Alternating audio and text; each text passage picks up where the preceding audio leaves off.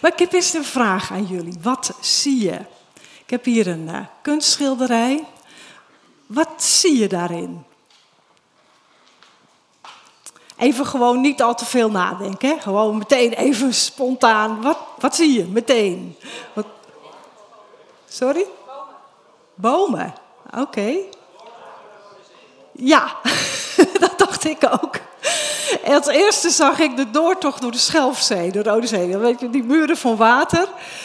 En uh, toen keek ik ietsje beter, dacht ik, nee, ik geloof dat het toch iets anders voorstelt. Uh, het zijn inderdaad bomen, het is een landschap en in de verte de horizon en uh, daar staan een huisje en zo. Dus wat zie je? Dat is de vraag. Nou gaat het hier natuurlijk om, snap je natuurlijk wel. ik heb een andere vraag. Wat zie je? En dan moet je het je even voorstellen als Jezus aan het kruis hangt en daar sterft, wat is het beeld wat je dan voor je ziet? Wat komt er als eerste dan voor je? Wat zie je voor beeld? Wat zie je daar dan?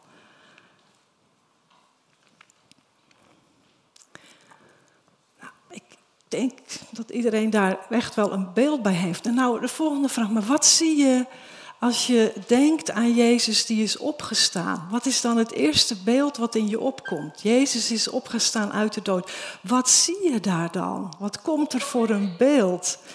Hm? Overwinning. Overwinning, ja, dat is een woord. Nee, ik heb het echt even over een, over een beeld. Wat, wat zie je? Een op, open graf. De steen is weggerold, licht. Ja, ja. Dus als je dus een concreter beeld van Jezus hebt aan het kruis, hè, dat, dat, dat denk ik zomaar, ga ik een beetje van uit dat dat voor de meeste van ons geldt dan kan ik me dat dus heel goed voorstellen. Want in de evangeliën, daar wordt dus heel uitgebreid gedetailleerd over die laatste weg van Jezus naar het kruis en wat daar allemaal gebeurt.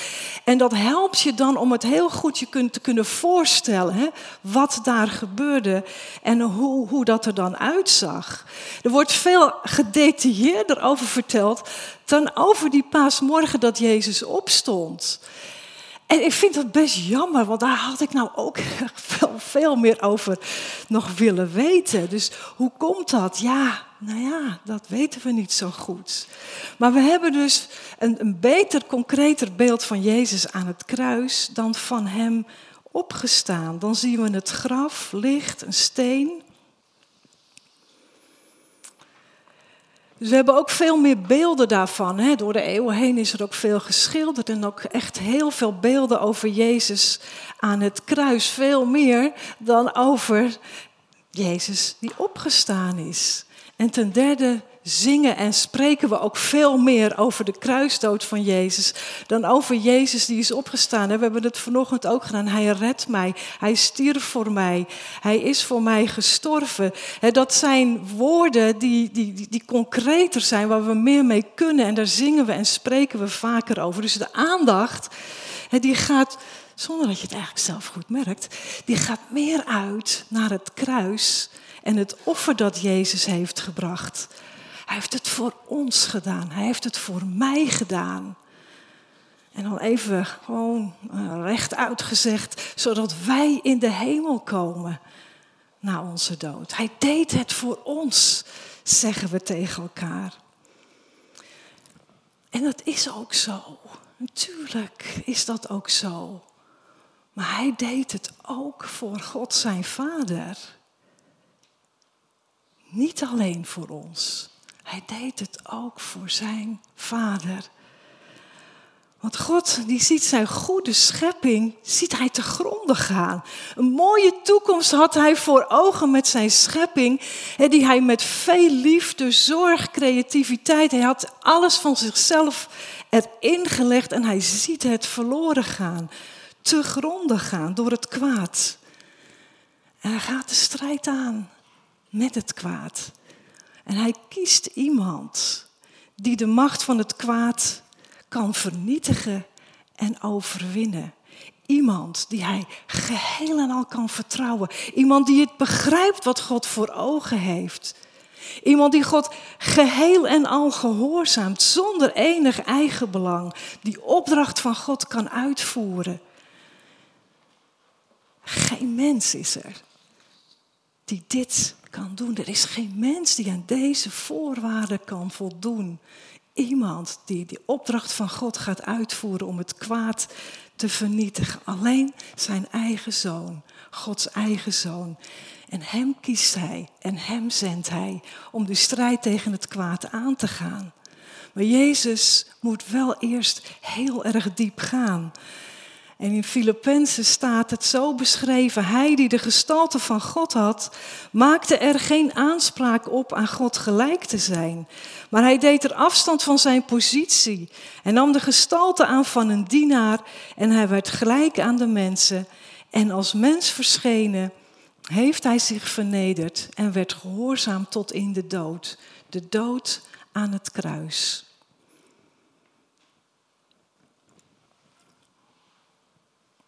Hij was bij God en liet dat los om een mens te worden zoals wij. Geen spoortje eigen belang, niets. En bij het kruis, we hebben dat, dat verhaal gehoord afgelopen vrijdag, bij het kruis, als die omstanders dan roepen, hè, nou als je dan de zoon van God bent, wat je zegt, nou kom dan van het kruis af en dan geloven we je. Hij had het kunnen doen, zeker. En als de hoge priesters roepen, als je dan de koning bent en je vertrouwt op God, nou kom dan van het kruis af en dan geloven we je. Hij had het kunnen doen, zeker. Maar hij deed het niet, omdat hij er zo van overtuigd was. Dit is wat God van mij vraagt te doen. Hem hierin te gehoorzamen. En omdat hij dat gedaan heeft, daarom heeft God hem hoog verheven en hem de naam geschonken die elke naam te boven gaat. Opdat in de naam van Jezus elke knie zich zal buigen in de hemel, op de aarde en onder de aarde. En elke tong zal beleiden, Jezus Christus is Heer, tot eer van God de Vader. Dat is het wat God wil, het hele universum. Alles, alles, alles omvattend en inbegrepen. Dat dat het gezag en de macht erkent van één. Jezus. Eén voor allen. En hij gaat die weg van gehoorzaamheid door zijn eigen leven te geven voor de hele schepping en voor ons. En op dat moment, als hij dan die weg gaat, begrijpt niemand begrijpt het. Niemand begrijpt. Voor ons, ja, wij hebben de uitleg nu gekregen naderhand. Veel over gezegd, veel over geschreven. Dus wij hebben de uitleg. Maar toen op dat moment, niemand begreep het. Toen niet, wij, ik zeg wel, wij begrijpen het wel, maar nog steeds wordt het niet begrepen. Alle zijn er tegen, hebben we gezien, gehoord op Goede Vrijdag. Alle zijn tegen hem, verlaten hem, zijn tegen de weg van dat kruis. Eén gaat de weg voor allen en alle zijn er tegen. God laat het er niet bij zitten. Want het doel is dat het van alle tegen één gaat naar alle voor één. dus dat het gaat van alle tegen één naar alle voor één. En dat het van alle tegen Jezus kiept naar alle voor Jezus. Dat het van verzet tegen Jezus kiept naar eer en aanbidding en buigen voor Jezus en erkennen dat Hij alleen de Heer is. Dat is wat God voor ogen heeft. Dat is waar Hij naartoe werkt. Er waren ook nog de vrouwen. Die bleven er eigenlijk bij op die avond of die middag dat hij gekruisigd werd. Wel op een, op een flinke afstand. En zij waren de eerste die naar het graf gingen. En zij zijn het dan ook, die als eerste dat horen, hè, dat wonder zien, dat het graf leeg is. En dan de boodschap horen dat Jezus is opgestaan. Ze zijn de eerste die het horen en wat moeten ze doen? Ze moeten het doorvertellen. Vertel het door. Onthoud dat ik dit gezegd heb en vertel het door aan zijn leerlingen. En dat is wat ze doen. En de elf leerlingen horen de boodschap, de boodschap dat ze dus naar Galilea moeten gaan. Ze gingen naar Galilea, naar de berg die Jezus hun genoemd had. En toen ze hem zagen, wierpen ze zich in aanbidding voor hem neer, al twijfelden sommigen. En Jezus kwam dichterbij en hij zei tegen hen: Mij is alle macht gegeven op hemel en op aarde.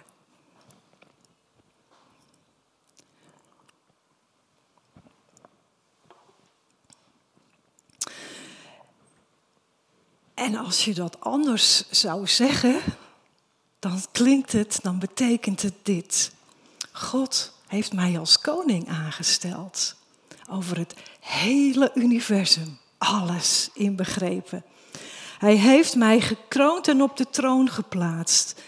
Ik ben de wereldmachthebber in zijn dienst. Ik ben degene die in naam van God over de wereld heerst en het kwaad moet vernietigen en het overwinnen. Nou, Jezus zegt het zo niet. Want ik dacht, maar ja, dat past ook niet bij hem. Hè? Dat past toch niet bij hem om het zo te zeggen. Hij die alleen maar weet om God te dienen en alle eer aan zijn vader te geven, zonder enig spoortje eigenbelang, die zou dat zo toch niet zeggen. Nee, hij zegt uit een hele dienende houding, alle macht is aan mij gegeven. Ik heb het niet naar me toe gehaald. Ik heb het mezelf niet toegeëigend. Ik heb het niet verkregen omdat ik het allemaal goed gedaan heb, omdat ik de beste kwaliteiten heb. Nee, hij zegt, het is aan mij gegeven. En daarmee breekt een hele nieuwe tijd aan. Er breekt een nieuwe tijd aan voor de wereld. De wereld die zonder God verloren was en de ondergang tegemoet ging. Die opstanding is het grootste kiepmoment ooit. De beweging neerwaarts, waar de wereld zich in bevond, dat is omgekiept naar een beweging opwaarts, naar de toekomst die God voor de wereld heeft voorbereid. Het grootste kiepmoment ooit. De tijd is toen veranderd. De tijd is veranderd. Er is een nieuwe tijd ingegaan met de opstanding. Jezus is de machthebber en hij heeft alle macht in handen. Hij bepaalt de loop van de wereld en de uitkomst staat al vast. Hij zelf heeft het kwaad overwonnen en hij zal al het kwaad in de wereld overwinnen en definitief vernietigen. En daar is hij mee bezig. Ik weet niet hoe jullie je dat voorstellen. Dat hij met zijn hemelvaart naar de hemel is gegaan en daar zit af te wachten, alsof hij in een soort wachtkamer zit. Wachten tot hij het seintje krijgt. Ja, en nu mag je terug. Ik weet niet hoe we het ons voorstellen. Maar hij is bezig. Hij is aan het strijden. Hij is bezig met de opdracht die hij gekregen heeft van God om het kwaad te bestrijden en dat te vernietigen. Daar is hij volop mee bezig, al 2000 jaar lang. En datzelfde gedeelte wat Bart gelezen heeft, dat gaat zo verder. En als hij deze opdracht voltooid heeft, dan komt het einde. En dan draagt hij zijn koningschap over. Hij heeft het ontvangen en hij geeft het ook weer terug. En op dat moment dat alles aan hem onderworpen is, dat elke knie zich voor hem buigt, dan zal de zoon zich ook weer onderwerpen aan God, die eerst alles aan hem onderworpen heeft, hem alle macht gegeven had en hij geeft het weer terug. Onderwerpt zich dan aan God, zijn vader, zodat God alles in alle zal zijn. Wat moet je je daarbij voorstellen? Maar dat is de toekomst. Daar zijn we naar op weg. En dat is wat Jezus aan het doen is. Daar is hij voor aan het strijden. Met die opdracht is hij bezig. God alles in alle. En eenvoudig gezegd is dat denk ik zoiets als God woont bij ons en wij bij hem. En niets en niets kan dat meer in de weg staan. Niets komt tussen ons en God in. Dus dat beeld wat je bij de opstanding ja, het beeld wat we eigenlijk zouden moeten hebben, is, is een kroning, een troonsbestijging. En hoe komt het dat we dat beeld niet hebben? We hebben een beeld van licht, een weggerolde steen. Ja, omdat het een menselijk beeld is. Kroning, troonsbestijging. Dat is een menselijk beeld. Dat is pracht en praal. Dat is wij, wat wij doen met onze koningen en onze machthebbers. Maar het is niet de weg die God gaat. Ja, ik, weet je, ik heb wel eens gedacht, opwekking uit de dood. Ach, nou, dat is toch geen overtuigender bewijs dat hij wel de zoon van God is. Als hij zich zo getoond had aan Pilatus en de hoge priesters en het volk en alles en iedereen, dan hadden ze het toch gezien, toch? Dacht denk ik. Hadden ze het toch kunnen zien? Nou ja, hij is wel de zoon van God. En het is niet de weg die God gaat. Dat is niet de weg die God gaat. En want die bewakers, die staan erbij bij het graf. Die hadden het kunnen zien. Maar die zijn zo zich lam geschrokken van wat daar gebeurde, dat ze bewusteloos raken. Dus ze krijgen het niet mee wat deze vrouwen wel bewust meemaken en wel zien. En dan denk ik, moest het zo zijn? Mochten ze het ook niet bewust meemaken? Dus zijn eigen volgelingen, alleen zijn eigen volgelingen, zijn de enige ooggetuigen van deze gebeurtenis dat Jezus is opgestaan. Want deze gebeurtenis die de wereld heeft veranderd en een nieuwe tijd heeft ingeluid. Alleen zij. Dus Jezus toont niet zijn macht door te gaan zitten op een troon en een kroon te dragen en rond te lopen daar als ze zeggen, kijk, ik ben de opgestane Heer. Zien jullie het nou nog niet? Nee, niet zo. Hij toont zijn macht door zijn volgelingen erop uit te sturen. Dat is wat hij doet. Hij zegt: Ga erop uit de wereld in. Vertel het aan alle volken wat je van mij geleerd hebt. En dat ze zich daaraan moeten houden. En doop hen in de naam van de Vader en de Zoon en de Heilige Geest. Dat is zijn strategie. Dat is zijn plan om het kwaad te vernietigen. Doorvertellen. Doorvertellen. Opdat mensen ook volgelingen worden van Jezus. Opdat ze net als hij God gehoorzamen. En daarmee wordt het kwaad bestreden en vernietigd. En houd dit voor ogen, zegt Jezus. Ik ben erbij hoor. Ik ben erbij. Ik ben met jullie tot aan de voltooiing van de wereld. Blijf ik erbij. Alle dagen. Om te zorgen dat deze missie slaagt om het kwaad te vernietigen. Ja, wij behoren tot de mensen aan wie het is doorverteld. Wij zijn volgelingen van Jezus geworden. We zijn gedoopt. Evangelie is aan ons verteld. En wat vertellen wij dan door? Dat is de opdracht. Doorvertellen, doorvertellen, doorvertellen. En dan moeten we eerst even antwoord geven op de vraag: wat, wat zie je? Wat zie je? Wat zie je in de dood en de opstanding van Jezus? Zie je dat als offer gebracht voor je persoonlijke redding? Is dat wat je erin ziet? Redding om het eeuwige leven te verkrijgen. Dus één voor allen. één voor mij die gestorven is, zodat ik gered ben, het eeuwige leven heb.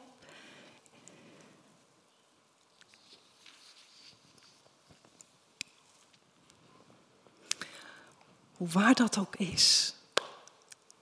Hoe waar dat ook is, lieve mensen, lieve gemeente. Maar ik geloof dat onze, onze wereld een boodschap nodig heeft die veel omvattender is dan persoonlijke redding. We leven in een complexe tijd, verwarrend. Wie weet nou nog precies wat waar is? Welke kant het op moet. Wie kunnen we nou vertrouwen als leider? Dus we hebben een leider nodig die het weet, die de weg weet. Wie is het? Dus dit is de wereld waarin we nu leven. En ik geloof dat mensen dus een boodschap nodig hebben. Die oriëntatie geeft. Die rust geeft. Doorzicht geeft. We zijn niet aan onszelf overgelaten. Niet aan menselijke leiders. Wij kennen de boodschap. Jezus heeft een nieuwe tijd ingeluid. Het is gekiept. De ondergang van de wereld is gekiept naar een toekomst van God. Een hoopvolle toekomst. En dan moeten we niet zeggen, eh, ik zie er helemaal niks van. Dat lijkt helemaal niet zo als ik kijk naar wat, wat er om me heen is. Ik denk dat af en toe ook, maar ik denk nee. Nee, dat is niet wat wij moeten zeggen. Wij kennen een andere boodschap. Wij kennen een gebeurtenis waar alles gekiept is. En waarvan wij weten dat één alle macht gegeven is. Dat één de ware machthebber is over de wereld en dat Hij heerst. Onze leider, onze machthebber, onze koning Jezus. Hij weet de weg en Hij is ermee bezig. En het gaat slagen. Dat staat nu al vast. En dat is wat we moeten doorvertellen. Laten weten. Er is er een die alle macht gegeven is, opdat we hem allemaal erkennen als Heer. Zodat het woord één voor allen en allen voor die ene. Alle voor één. Samen met Jezus als bondgenoten strijden tegen het kwaad. Hij met ons en wij met hem. Dus wat zie je in de dood en de opstanding van Jezus? Wat zie je daarin voor jezelf? Zie je dat als ik ben gered door het bloed van Jezus, halleluja, prijs de Heer, Hij deed het voor mij? Of kun je er ook meer in zien? Kun je erin zien dat de dood en opstanding het grootste kiepmoment ooit is geweest in de geschiedenis van de wereld? En dat na die dag alles anders is geworden. Een nieuwe tijd is ingegaan. De tijd van Jezus als de wereldmachthebber die bezig is het kwaad te vernietigen. En die roept, die roept, die roept mij, die roept jullie, die roept iedereen komt tot mij. Behoor tot mij. Wees mijn volgeling, volg mij. Dus wat zie je? Wat zie je in de dood en de opstanding van Jezus. Zie je daarin ook de macht van God? Want welke macht is er nou in de wereld die iemand uit het leven, uit de dood tot leven kan wekken? Welke macht is er die dat kan? Zie je het daarin? Dat de macht van God groter en sterker is dan alle andere machten en krachten in de wereld. Zie je het? Geloof je het?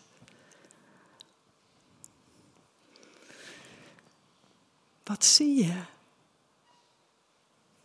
Wat zie je? Zie je één voor alle, punt? Of zie je dat andere, dat er meer is? Eén voor alle, alle voor één. En wat je ziet, daar leef je voor. En waar je voor leeft, dat vertel je door. Amen.